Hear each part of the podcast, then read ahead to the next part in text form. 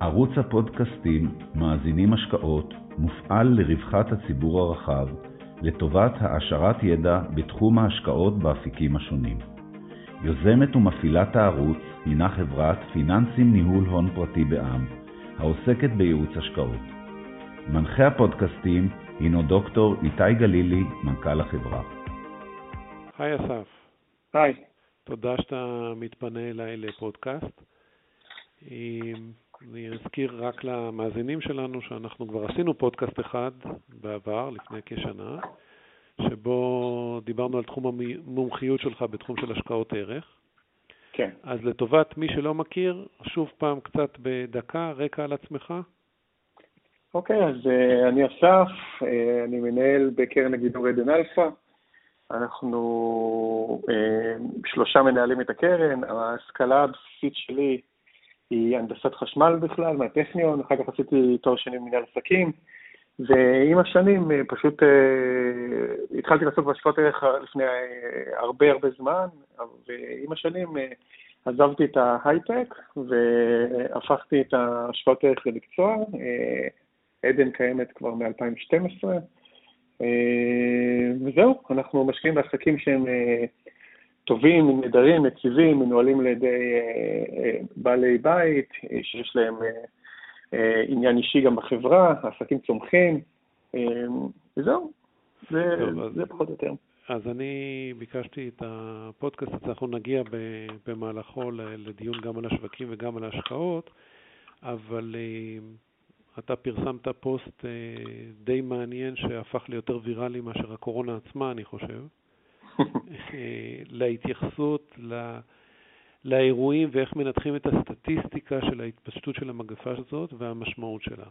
וקודם כל אני ממליץ באתר שלך לקרוא את, ה, את הפוסט ולהרחיב ולהבין, אבל אם אתה יכול לסכם בצורה פשוטה את ה...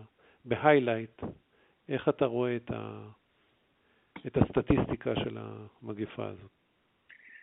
אוקיי, okay, אז דבר ראשון נתחיל מכך שיש לי, אני באופן חובב, בצורה אולי, אני חובב ביולוגיה וחובב רפואה כבר הרבה מאוד שנים, החל מאז שהייתי ינוקה, כמו שאומרים, אבא שלי רופא, אמא שלי הייתה רוקחת, ככה שזה היה שגור ותדיר בבית. לרוע מזלי גם הספקתי לחלות בכל מיני מחלות באופן קשה, אז גם זה היה מאוד מעניין אותי. אה, אז, אה, אז אני מכיר פחות או יותר את המטריה, אני לא אגיד שאני מומחה או פדימיולוג, אבל בוא נגיד ככה שלעבוד עליי עם סטטיסטיקות מאוד קשה. אה, עכשיו, איך שאני רואה את זה, כשאני הסתכלתי על הנתונים שיש בה, שיוצאים גם במחוז חובי בסין וגם על התגובה של ממשלות המערב, ראיתי בכלל איך מטפלים בכל המגפה הזו, היו לי כל מיני קצוות חוט שלא לא התחברו. ואחד מהדברים שאנחנו עושים, גם בהשקעות, אתה מחבר קצוות חוט. מנסה לראות איפה, איפה אתה יכול לקבל איזשהו, בוא נגיד, אינפורמציה יותר טובה או יותר מהימנה על השקעה, אותו דבר גם עשינו את זה במקרה הזה, עשיתי את זה במקרה הזה. והרמז הראשון שתפס את העין שלי זה שאנשים, אה, היה, עקבתי בדריכות כמובן על אה, מספר החולים שנמצאים בכל מדינה, וראיתי שישראלים חוזרים מכל מיני ילדים בעולם כשהם חולים. עכשיו, אה, אני קצת מבין בסטטיסטיקה, בוא נגיד ככה, אה, אני אתן את ה... מה שאני חשבתי וגם נקודת נגד, ואז גם אגיד למה נקודת הנגד היא לא נכונה. אה, אני חשבתי שלצורך העניין, אם בספרד דאז היו נניח אלף חולים או משהו בסגנון, בספרד האוכלוסייה שלה מונה 47 מיליון איש, וישראלים שחזרו מספרד חזרו חולים. עכשיו, זה היה נשמע לי מאוד מאוד מוזר, כי אותם חולים שהיו בספרד כבר זוהו כחולים, והם היו מבודדים בביתם, או בבית החולים, או משהו בסגנון, ועדיין, למרות זאת, חזרו ישראלים כחולים. עכשיו, אז נשאלת השאלה, איך זה יכול להיות שבמדינה עם כל כך הרבה אנשים, אז אה, ישראלי הצליח להיפגש עם חולה. גם בבלוג שלי ענו לי שזה יכול להיות, כי נסעו 40 אלף איש לספרד, ויכול להיות שיש ריכוז של חולים במקומות מתוירים וכולי, אבל כל הטיעונים האלה נופלים כאשר מניחים שהחולים בספרד היו מבודדים. עכשיו, אם החולים הידועים בספרד היו מבודדים, ועדיין ישראלים חזרו חולים משם, כנראה שתפוצת המחלה יותר גדולה ממה שחושבים. ואז אמרתי, או, יש לנו פה איזושהי בעיה. כנראה שאנחנו לא יודעים על כל החולים. ואז התחלתי לחקור ולחפור, וקראתי המון המון המון מחקרים מדעיים, וגיליתי כל מיני דברים שמאוד מאששים את התיאוריה.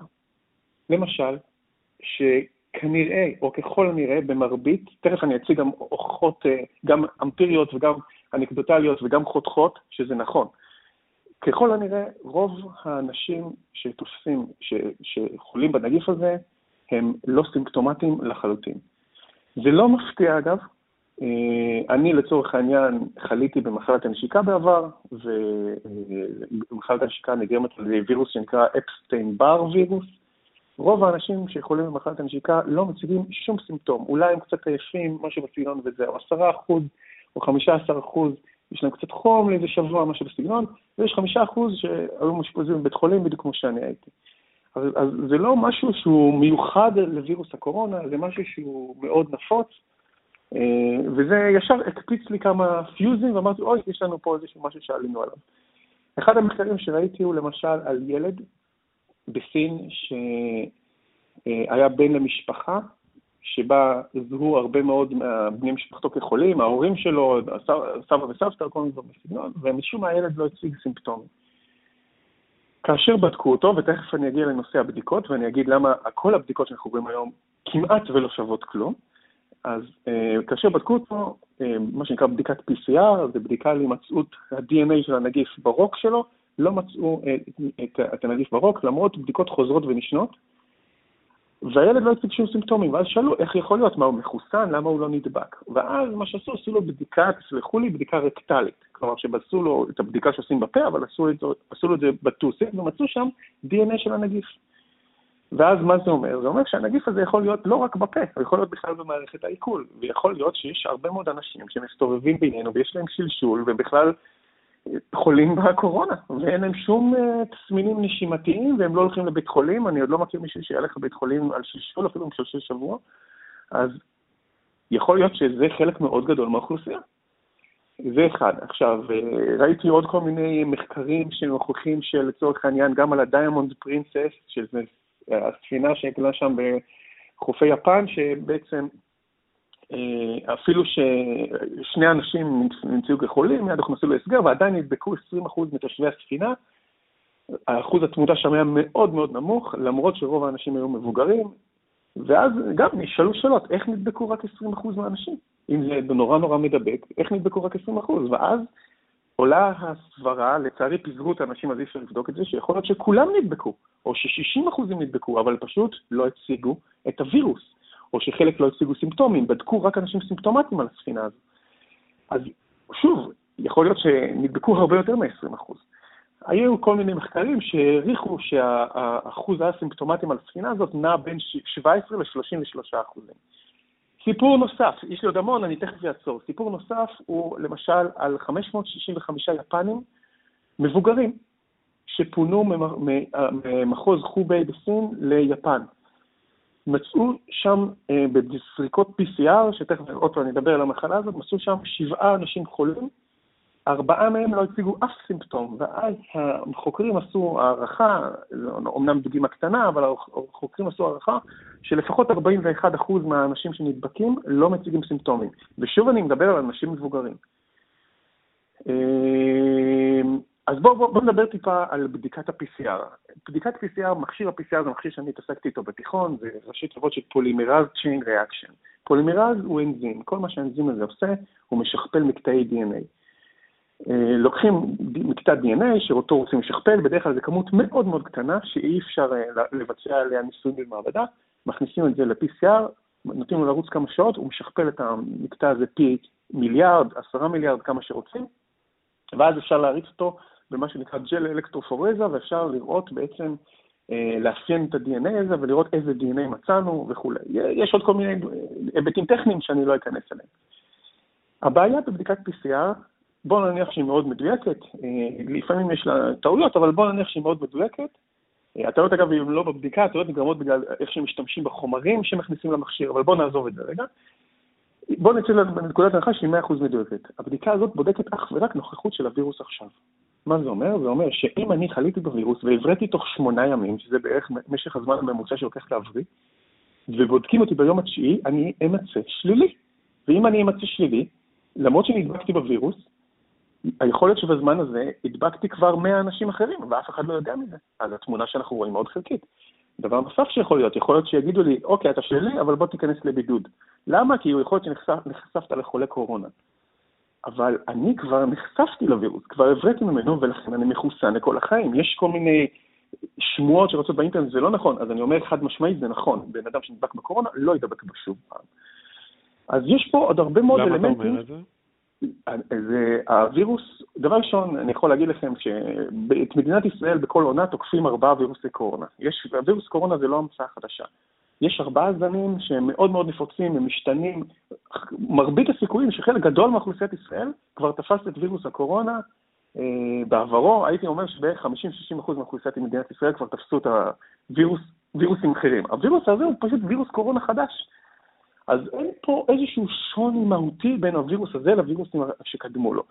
ולווירוסים שקדמו לו, אנשים מפתחים חיסון לכל החיים. גם, גם במקרה הזה, אנשים מפתחים חיסון לכל החיים. הווירוס הזה אומנם עובר מוטציות, בו דומה למחלת השפעת, אבל גם זה באופן יחסית זניח ויחסית, בן אדם שנחשף בעבר, החשיפה השנייה שלו, גם אם עבר, הווירוס עבר מוטציה, תהיה משמעותית פחותה. משמעותית פחותה, מהסיבה הפשוטה שהווירוס משנה חלק מהמעטפת החלבונית שלו, נניח, ואז, ואז הוא יכול להיות, להמשיך להיות אינפקטיבי, אבל הוא משנה רק חלק מהמעטפת החלבונית, ובגוף שלנו יש נוגדנים.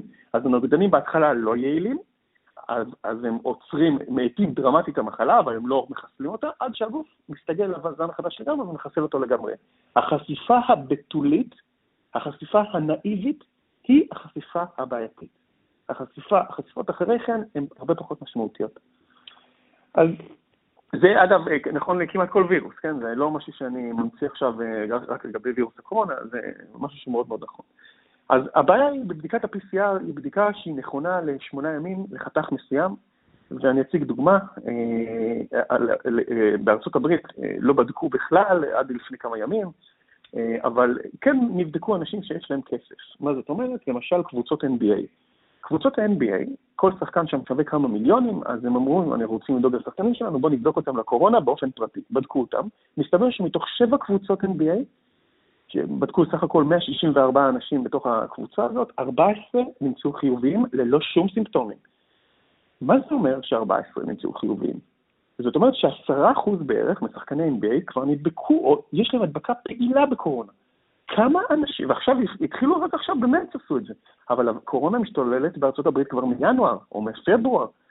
כמה אנשים כבר מה-MBA חלו והבריאו, ולכן ה-PCR לא רואה, ה, לא, רואה אותם, לא רואה אותם כחיובים? הייתי מעריך לכל הפחות 10% נוספים. זאת אומרת שכבר 20% משחקני NBA בארצות הברית נדבקו או נדבקו והחלימו, ולא הציגו שום סימפטומים. אז כל הסיפורים האמפיריים האלה הביאו אותי לחשוב שכנראה ההדבקה שאנחנו רואים כיום היא הרבה הרבה יותר רחבה, ואם רואים שיש 60 אלף חולים באיטליה, אני כנראה סבור שבאיטליה יש כנראה מעל מיליון, בין מיליון לשלושה מיליון חולים, שאו חלו והבריאו או עדיין חולים. הם פשוט נשארים בבית, אף אחד לא רוצה ללכת לבית חולים כשיש לו קצת חום. וזה גם מביא אותי אה, אה, למה באמת שכתבתי בפוסט, אנחנו בעצם בודקים אנשים עם סימפטומים, או אנשים שבאים להיבדק.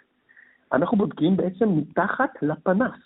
וכשאנחנו בודקים מתחת לפנס, אנחנו נמצא מה שאנחנו רוצים לראות. אם אני אבוא למחלקת טיפול נמרץ בבית חולים כלשהו, בלי שום קשר לקורונה, ואני אבדוק את אחוז התמותה שם, אז אני אהיה מאוד נפחד, אני אגיד, אוקיי, תשמע, כל מי שמגיע לבית חולים, מתוך כל מי שמגיע לבית חולים, אחוז התמותה הוא עשרה אחוז, אז אני אגיד, אוקיי, הגעת לבית חולים, אתה הולך למות. אבל האוכלוסייה שמגיעה לבית החולים היא לא האוכלוסייה המייצגת. עכשיו, כשאני כתבתי את זה, זה עוד היה מאוד בתולי, מאז יצאו עוד כל מיני מחקרים, למשל העיר וו באיטליה, שיש בה 3,000 אה, תושבים, נבדקו, 3% מהאנשים נמצאו נשאים אקטיביים, כלומר שחלק כבר נרפאו, אבל 3% נמצאו נשאים אקטיביים, רוב רובם המוחלט לא הציג סימפטומים בכלל, ואז נשאלת השאלה, האם לא נדבקו כבר 20% מאוכלוסייה באיטליה? זו, זו הסברה שלי. הסברה שלי היא שכיום, גם בארצות הברית, אה, נדבקו מספר כלשהו של נשאים שהוא נע בין אחוז אחד מהאוכלוסייה הכוללת בארצות הברית ל-30 אחוז באוכלוסיית ארצות הברית. 30 אחוז זה כנראה תרחיש קיצוני, הייתי מאמר שזה יותר קטן, אבל אה, מה שברור לי זה שכנראה מספר האנשים שחלו והבריאו, או חלו ועדיין נושאים את הווירוס, גדול בערך פי עשרה עד פי מאה ממה שאנחנו רואים כיום, ולכן כל, הת... כל התחזיות הדמגוגיות, כל התחזיות השחורות, שימותו מיליוני בני אדם, לא יתגשמו. אני רוצה גם עוד קצת להגיד דברים על הסטטיסטיקה. כולם אומרים, בואו לא נהיה איטליה. בואו נשפוך קצת אור על מה קורה באיטליה. באיטליה כיום יש, אה, כל, כל, כל, כל מה שאני אומר הוא מתייחס למספרים, כמובן שכל אדם הוא עולם בפני עצמו, וכואב לי על כל בן אדם שמת, אבל בואו נסתכל שנייה על הנתונים באיטליה. אני עברתי על מסמך ממשרד הבריאות האיטלקי. 98 עד 99 אחוז מהאנשים שנפטרו באיטליה הם אנשים בני 80 ומעלה, עם בין אחד comorbidities לשלושה comorbidities. comorbidity זה מחלה נלווית. זאת אומרת שבעצם המחלה הזו פוגעת בעיקר בזקנים. זה נכון שיש גם צעירים מאושפזים, זה נכון, יש גם צעירים מאושפזים, אבל זה לא שונה מכל מגפת שפעת אחרת שיש בכל מדינה אחרת. בדיוק לפני שהתפרצה הקורונה בינואר, התפרצ... התפרסמה כתבה בעיתון בישראל על אישה כבת 40 עם חמישה ילדים, בריאה לחלוטין, שמתה משפעת. אז מה שאנחנו רואים היום זה בעצם סוג של שפעת פלוס פלוס לדעתי. באיטליה, לצורך העניין, מתים בכל עונת שפעת 17 אלף איש.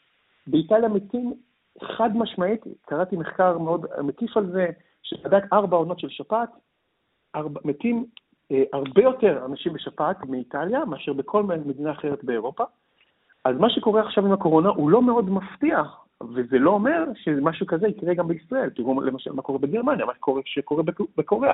יש עוד כל מיני אלמנטים שקשורים לגיל, שקשורים לאלמנטים של היגיינה, שקשורים לגינונים חברתיים כמו נשיקה או דברים בסגנון, שעשויים להגביר את, ה, את, ה, את, את התמונה שאנחנו רואים. אבל בכל מקרה, בואו נסתכל, גם היום, כשמתו 6,000 איש באיטליה, עדיין לא הגענו לחצי מספר המקרים של מקרי המוות שקורים בכל עונה משפעת רגילה. ואני שואל גם שאלה אחרת, כמה מתוך הששת אלפים האלה מתו משפעת רגילה?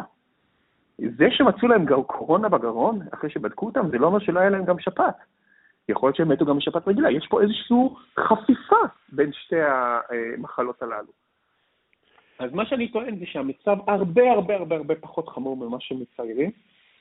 כרגע, לדעתי, מנהיגי העולם מתנהגים כמו אה, קבוצת, זה לא תיאור שלי, שמעתי את זה ממישהו אחר, כמו קבוצת אימהות בגן בוואטסאפ, בהיסטריה ובפנקה, כאשר אם מסתכלים לצד האסייתי בעולם, זה בכלל לא ככה. איך יכול להיות, השותף שלנו בקרן, אגב, גר בסינגפור, איך יכול להיות שבסינגפור, הונג קונג, טיוואן, קוריאה, סין, תאילנד, כל המדינות האלה, אין בהם סגרים מוחלטים, הולכים לבית ספר.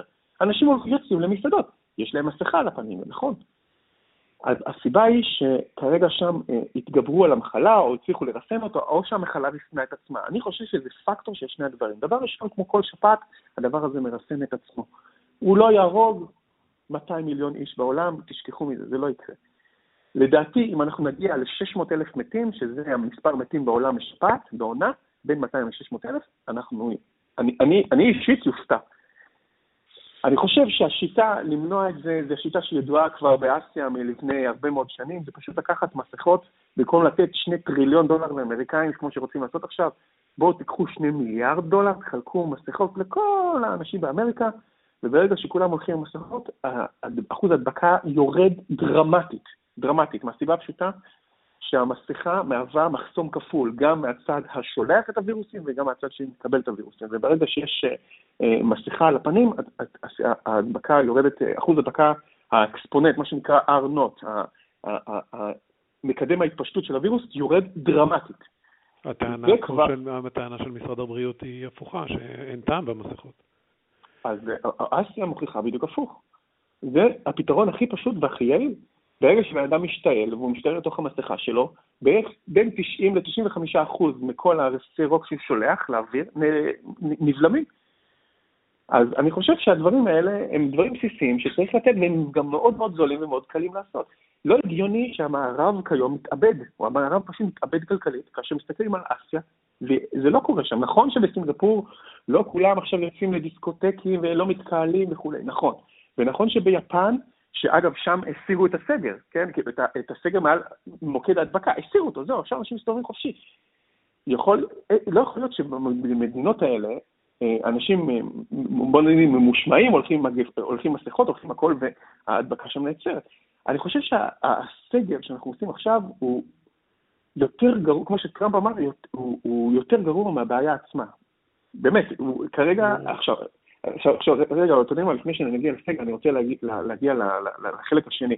אמרנו שבדיקות ה-PCR לא שוות כלום. אני אגיד למה לא שוות כלום, כי באיטליה בודקים רק מי שמגיע לבית חולים, אה, אולי הולכים מדי פה ושם, אולי רק מי שמציג תסמינים וכולי, ואז אם הצגת תסמינים ויתחרות שהגיעו אליך, פתאום הבדיקה יוצאת שלילית. בקיצור, הבדיקה הזאת לא שווה הרבה לכשעצמה, היא בודקת את ההווה. אני טוען שחייבים בדיקות אחרות, בדיקות נוגדנים. הן בדיקות מאוד זולות, מאוד פשוטות, יותר זולות מבדיקות PCR לפחות בסדר גודל אחד, ובדיקות נוגדנים מראות האם הגוף מכיר את הנגיף, כלומר האם הוא נחשף אליו. לצורך העניין, אם אני נחשפתי לקורונה, הגוף שלי יציג נוגדנים לקורונה שיישארו איתי במינימום עשר שנים. זאת אומרת שלצורך העניין, אם נעשה בדיקות סקר לכל האוכלוסייה, או לחלק גדול ממנה, או למדגם מייצג ממנה, בדיקות דם, שיראו שאנשים נחשפו לנגיף, פתאום יראו ש-20-30% ממדינת ישראל נחשפה לנגיף, לא צריך סגרים. יש כבר חיסון עדר. זה, זו, זו הטענה שלי, אגב, רק עכשיו באמת, כשאני טענתי, זה היה נובל חדשני, אבל אז עברו שבועיים, והדברים התקדמו, ועכשיו פתאום יש את פרופסור אורי קדרון, וכל מיני דברים כאלה, ואנשים, ופתאום בוריס ג'ונסון מדבר על זה, ואולי גם טראמפ מדבר על זה, אבל עדיין שום דבר לא קורה. עד שלא יבדקו נוגדנים, לא ידעו כלום. אין לנו שום מודיעין, אנחנו לא יודעים כלום מה שקורה למחלה הזאת, וברגע שיבדקו נוגדנים, לדעתי ידעו שה, יראו שהחשיפה של האוכלוסייה לווירוס הזה דרמטית גבוהה ממה שחשבו. ואז בעצם אין טעם בסגר, ובאמת יש אנשים שיקבלו את זה קשה, זה צר לי, אבל אחוז האנשים שיקבלו את זה קשה וכל התחזיות הקודרות לגבי הצפת בתי חולים, הבתי חולים אומנם יוצפו, אבל בהרבה פחות ממה שחושבים. ואז זה לא מצדיק כן. לסגור את כל הכלכלה. אז תראה, קודם כל הדברים שלך מאוד מאוד חשובים, כי אה, בסופו של דבר אנחנו עוסקים בהשקעות, וברור שהאירוע הזה, זאת אומרת, יש דבר אחד ברור, אנחנו לא יודעים אם הווירוס הזה הוא יותר קל ממה שנדמה. דבר אחד בטוח, שמערכות הבריאות לא היו מוכנות לשום נגיף קטלני ו... ונתפסו בשוק מוחלט להתמודדות עם האירוע הזה, וזה יכול להיות אה, השלכות מאוד גדולות אה, לעתיד, למקרה שיהיה וירוס אחר שהוא לא הווירוס הזה. אבל מה שקרה בינתיים, זה לא משנה בגדר העובדות, נוצר משבר נזילות. נוצר משבר נזילות ונוצרו אה, מצד אחד הזדמנויות, אבל במקום לא מבוטל באמת תעשיות שנפגעו בצורה ברוטלית. עכשיו, מה שאני רוצה לשאול אותך עכשיו, אנחנו משנים כיוון לעיסוק היומיומי שלך של ההשקעות. איך אתה רואה עכשיו את הכאוס בתחום ההשקעות? מה ההשפעות okay. אוקיי. שיש לזה ומה צריך לכוון? אז אני דבר אחד אומר, אני אה, לא אשקר, זה לא נעים לראות את זה, זה כואב, זה הופך את הבטן, זה מה שנקרא stomach churning וכולי, אבל אה, צריך לזכור שכל כאוס יוצר הזדמנות. זה מה שנקרא Creative Destruction. בסופו של יום, מה שאנחנו רואים לנגד עינינו זאת הזדמנות, לדעתי, כמו שזה גם מפחיד, זה גם הזדמנות, וזאת הזדמנות שלא יודע אם תחזור בעשר, אפילו, הייתי רוצה להגיד בדור שלנו, אבל זה היה כנראה ב-2008, ואנחנו רואים שזה קורה עוד פעם בטווח של 12 שנים, אז אני נזהר מאוד מלהגיד שזה עניין של דור, אבל כנראה שזה מספר דו-ספרתי של שנים. והיום, לדעתי, אפשר אה, אה, משתנים המון דברים בשוק, נוצרים המון דברים חדשים, נוצרות מגמות חדשות, הצורה שבה מסתכלים על תעשיות משתנה, והדברים האלה אה, ישאירו את החותם שלהם בדיוק כמו ש-2008 השאיר על כל אחד ואחד מאיתנו את החותם, את החותם, אה, את החותם שהוא השאיר עליו. אז אני איפשהו חושב ש... מי שיצא לפני הסיפור הזה, אז כל הכבוד לו, אה, וראה את זה, מגיע מראש, כל הכבוד לו. אנחנו, אני יכול להגיד שבקרן שלנו, מה שאנחנו עשינו, אנחנו נערכנו לתרחיש קיצוני, אנחנו באמת מכרנו חלק מההשקעות לפני, אבל אנחנו נכנסנו, אבל לצערי נכנסנו מוקדם מדי, פשוט לא הערכנו את העומק, אבל בכל מקרה, עדיין התוצאות שלנו יחסית טובות לדעתי. איך אתה רואה את המרוויחים? קודם כל, יש הרבה מאוד אנשים, רק אני צריך להגיד רקע, הרבה מאוד אנשים שינו את המסלול השקעות שלהם בעולם הפנסיוני לסולידי. גם בשבוע האחרון, אני לא מדבר על עולם קרנות הנאמנות שעשה רנוף. אוקיי, אוקיי, אז חד משמעית, בוא אני אגיד ככה, התחזית שלי, אני לא יודע כמה זה שווה, התחזית שלי שעד סוף אפריל, אמצע מאי, ואני יחסית שמרני פה, כלומר שהתחזית הפנימית שלי יותר, יותר אגרסיבית, אנחנו נהיה מאחורי זה. יש כל, כל מיני סיבות, אחד זה שכל מיני, בסופו של יום זה וירוס של שפעת, אוקיי? הוא לא H1N1, הוא לא H3N4, הוא לא מהשפעת פר אקסלנס, אבל הוא וירוס של התקררות, זה וירוס קורונה כמו וירוס התקררות הרגילים, הקורונות NL63 וכל הדברים האלה, יש עוד כל מיני קורונות שתוקפות אותנו כל עונה. הווירוסים האלה מגיעים למינימום בשבוע השני של אפריל. כלומר, כשאני מדמיין שיש פה איזושהי עונתיות, הירידה שאנחנו רואים בכל מיני מדינות נגרמות גם בגלל הסגר, אבל גם בגלל שהווירוס הזה הוא בסופו של יום עונתי. אז אני חושב שהסיפור הזה מאוד מהר יסתיים. אני לא יודע כמה התאוששות תהיה מהירה, דעתי היא שהיא תהיה מהירה, אבל אני לא יודע עד כמה. מה שבטוח, מי שהעביר את, את, את הפנסיה שלו למסלול יותר סולידי, עשה בשכל, עכשיו בוא תחזיר את זה חזרה למה שזה היה קודם. הסיבה הפשוטה היא שבפנסיה שמסתכלת על 20 שנה קדימה או 30 שנה קדימה, הדבר הזה יהיה בליפ, בליפ בהיסטוריה, ולפספס אותו זה יהיה אה, טרגדיה לדעתי. גם אם עכשיו השוק ימשיך לרדת מפה עוד 30 אחוז, לדעתי זאת תהיה הזדמנות בטווח של 20 שנה קדימה, חד משמעית. אני לא יודע להגיד אם זה יהיה בטווח של שנה קדימה, האם נצליח לשקם את רמת המחירים שהייתה אה, בפברואר בטווח של שנה, אבל אני די בטוח שבטווח של שנתיים, שלוש, ארבע, רמת המחירים אה, אה, תחזור לעצמה, בטח ובטח אם לוקחים טווח של 20-30 שנה, כמו שיש בפנסיה, ובטח ובטח אם צריך לזכור שכיום הזריק הפדרל ריזרב שני טריליון דולר לכלכלה והוריד את הריבית לאפס, לכסף אין לאן ללכת חוץ מלמניות ולנדל"ן. אין לו לאן ללכת בסופו של יום. אז אחרי שתירגע הפאניקה, הכסף יזרום לשני, לשני, לשני הסקטורים האלה, ואפילו עם, עם, עם סטרואידים. עכשיו בואו בוא נדבר קצת יותר, בואו נרד לתוך שוק המניות. מה שאני, עשיתי גם ראיון בביז פורטל שאמרתי שלדעתי אה, כל התעשיית אה, אה, working from home היא זאת שתרוויח. מה זאת אומרת? למשל נטפליקס. נטפליקס היא חברה שאנחנו לא מחזיקים אגב, גילוי נאות. נטפליקס היא למשל חברה שעשויה להרוויח מזה, וכפי שאתם באמת רואים, כמו שאפשר לראות, נטפליקס כמעט ולא ירדה במשבר, הרעיון שלי בביז פורטל היה בסוף פברואר, אה, נכנסנו למרץ השחור הזה, והשוק נפל 30 אחוז, נטפליקס לא נפלה 30, לדעתי לא ירדה בכלל בחודש מרץ. אז מי שרצה להגן על הכסף שלו, באמת יכול ללכת לנטפליקס. עוד למשל חברות של Working From Home, זאת חברה שנקראת זום, היא מאוד מאוד יקרה, אבל uh, היום משרד הבריאות, uh, משרד החינוך, חוגים, uh, משרד הבר... גם משרד הבריאות משתמשים בזה בניתוחים מרחוק, חברות כאלה כשעושות טלקונפרנס, וזום היא חברה מדהימה, פשוט התמחור שלה יותר מדי גבוה לטעמי, היא, היא, היא למשל מרוויחה מזה, וכפי שאפשר לראות, היא עשתה כמעט דאבל במהלך המשבר הזה.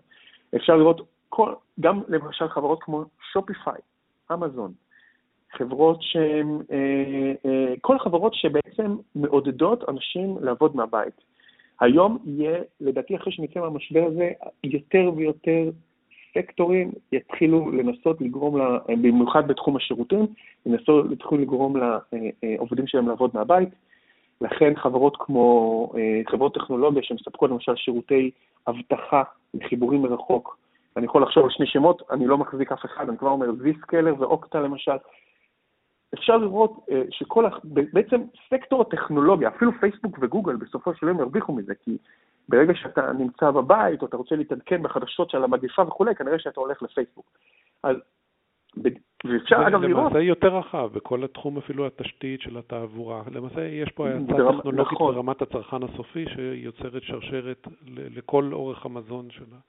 נכון. שרשרת המזון של הענף. נכון, אבל יש כאלה שייהנו פחות ויש כאלה שייהנו יותר. למשל ספקיות אינטרנט, שהיום זה יהיה מוצר מאוד מאוד נדרש, וכנראה שאנשים מגדילים את החיובים שלהם וכולי, הם ייהנו מזה, אבל זה כנראה יהיה one time. כנראה שעדיין התחרות אה, אה, תכרסם ועדיין יהיה, כלומר, הם ייהנו מזה, האקונומיקס שלהם ישתפרו, going forward, אבל זה לא יהיה דרמטי כמו שזה יהיה בחברות אחרות. אה, אגב, אפשר גם לראות, מדד הנסדק 100 ירד 10% פחות מאשר מדד ה-S&P 500. כלומר, אפשר לראות שהטכנולוגיה, אם לא היה ברור למישהו שהטכנולוגיה הולכת וכובשת את העולם, עכשיו זה די ברור, והכיוון הזה רק ילך ויעיץ. בגלל זה, אגב, גם... בצורה, אפשר להגיד שבצורה אבסורדית קיבלנו שטכנולוגיה זאת השקעה דפנסיבית. נכון. אף על פי המכפילים הגבוהים מאוד שיש שם. כן. אם נסתכל על אינווידיה, אם נסתכל על אדובי, אם נסתכל על כל החברות האלה שמסחרות במכפילים של 30 ו-40, שכולם חזו שהמכפילים האלה מנופחים והם התפוצצו וכולי, החברות האלה ירדו פחות, פחות מאשר דברים כמו קטרפילר, או השקעות ערך אחרות. למשל, משקיעי ערך מאוד אוהבים את הבנקים בארצות הברית, כי הם היו זולים, מכפיל 10, מכפיל 11, מכפיל 12. אנחנו אה, אהבנו גם בעבר את הבנקים, עד שאני יכול להיכנס לזה, אני לא רוצה, אנחנו החלטנו שזו לא השקעה טובה. אה, ובאמת, תראו, הבנקים, הבנקים בארצות הברית שנחשבו יקירי משקיעי העץ ירדו כ-50 אחוז. אפילו הבנקים הטובים ביותר, כמו ג'ייפי מורגן, ירד 50 אחוז. בנקים אחרים, אני יכול לדבר עליהם, יש שירדו, יש שירדו 70 אחוז.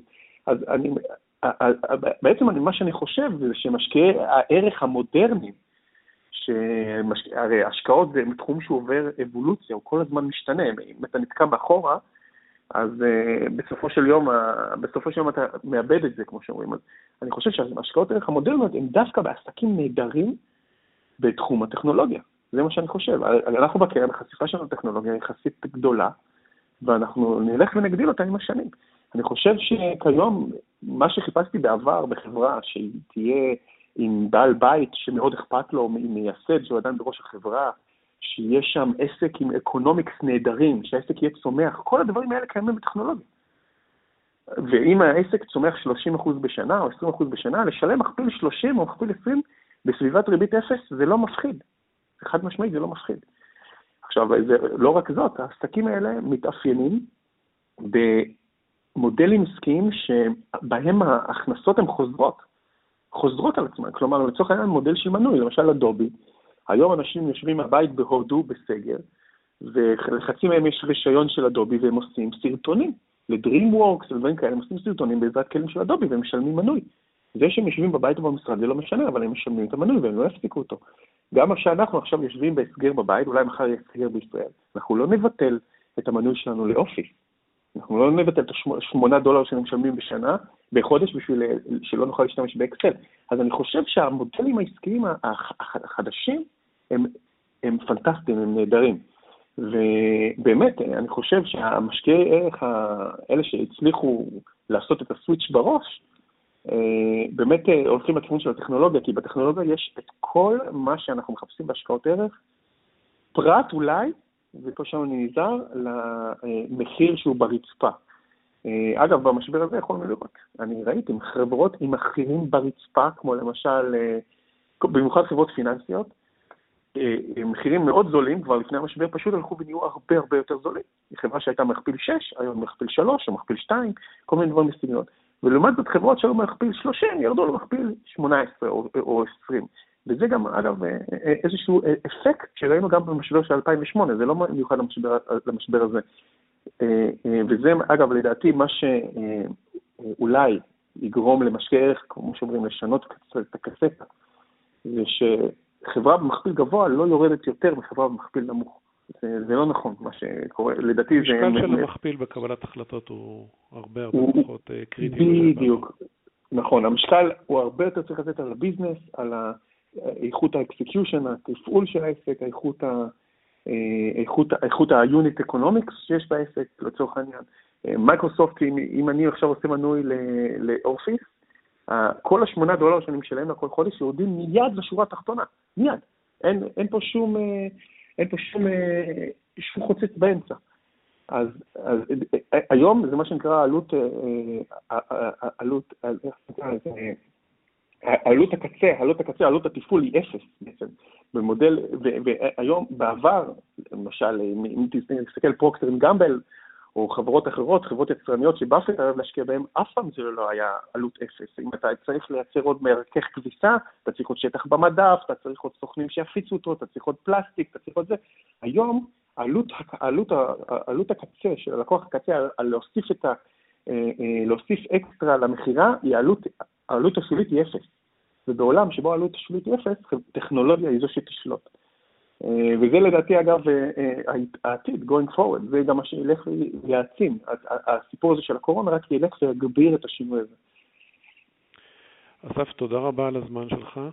זה היה מרתק, ואנחנו מן הסתם תוך כדי אירועים, אז נשחרר אותך לקבל החלטות בתחום עיסוק שלך. תודה, תודה רבה, ואנחנו נהיה בקשר.